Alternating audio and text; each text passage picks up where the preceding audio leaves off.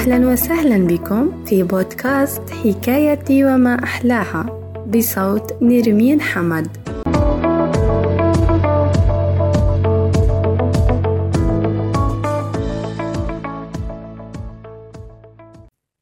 كان يا ما كان في إحدى القرى البعيدة القريبة من الغابة. كان هناك ذئب جائع لم يذق طعم اللحم منذ أيام ويشعر بالجوع الشديد. أخذ يبحث في الغابة عن حيوان ولكن كان منهك فلم يستطع اصطياد أي حيوان فذهب للقرية ليجد بعض الطعام وهناك وجد كلب سمين جدا وكان سعيد جدا وكان يجلس ويحرس منزل صاحبه. فكر الذئب بالانقضاض على الكلب ولكن الكلب كان سمين جدا وضخم. فخاف الذئب من الانقضاض فاقترب وقال صباح الخير أيها الكلب الوسيم. فما أروعك؟ كلب سمين وجميل. لابد أنك تأكل كثيرا جدا.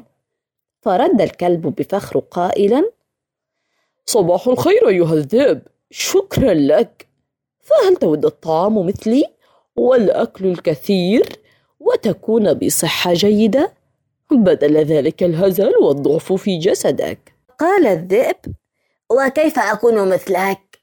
قل لي أيها الكلب السمين. رد الكلب بفخر لن تفعل شيء صعب.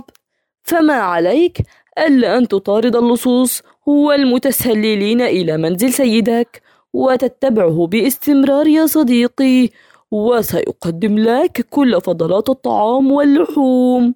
ولن يمنع عنك شيء. أخذ الذئب يتخيل السعادة التي سيكون فيها. بالكثير من الطعام والشراب.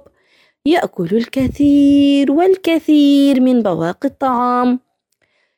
ثم شاهد الذئب عنق الكلب وكان خالي من الشعر تماما. فقال له ما هذا أيها الكلب في رقبتك؟ لما هي خالية من الشعر؟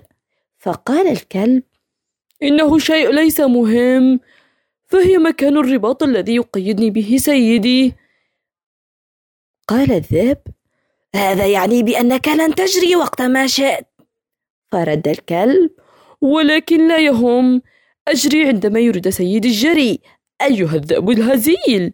وهنا عاد الذئب للخلف بسرعة وركض مسرعا وهو يقول لا إن الحرية شيء مهم جدا أيها الكلب السمين.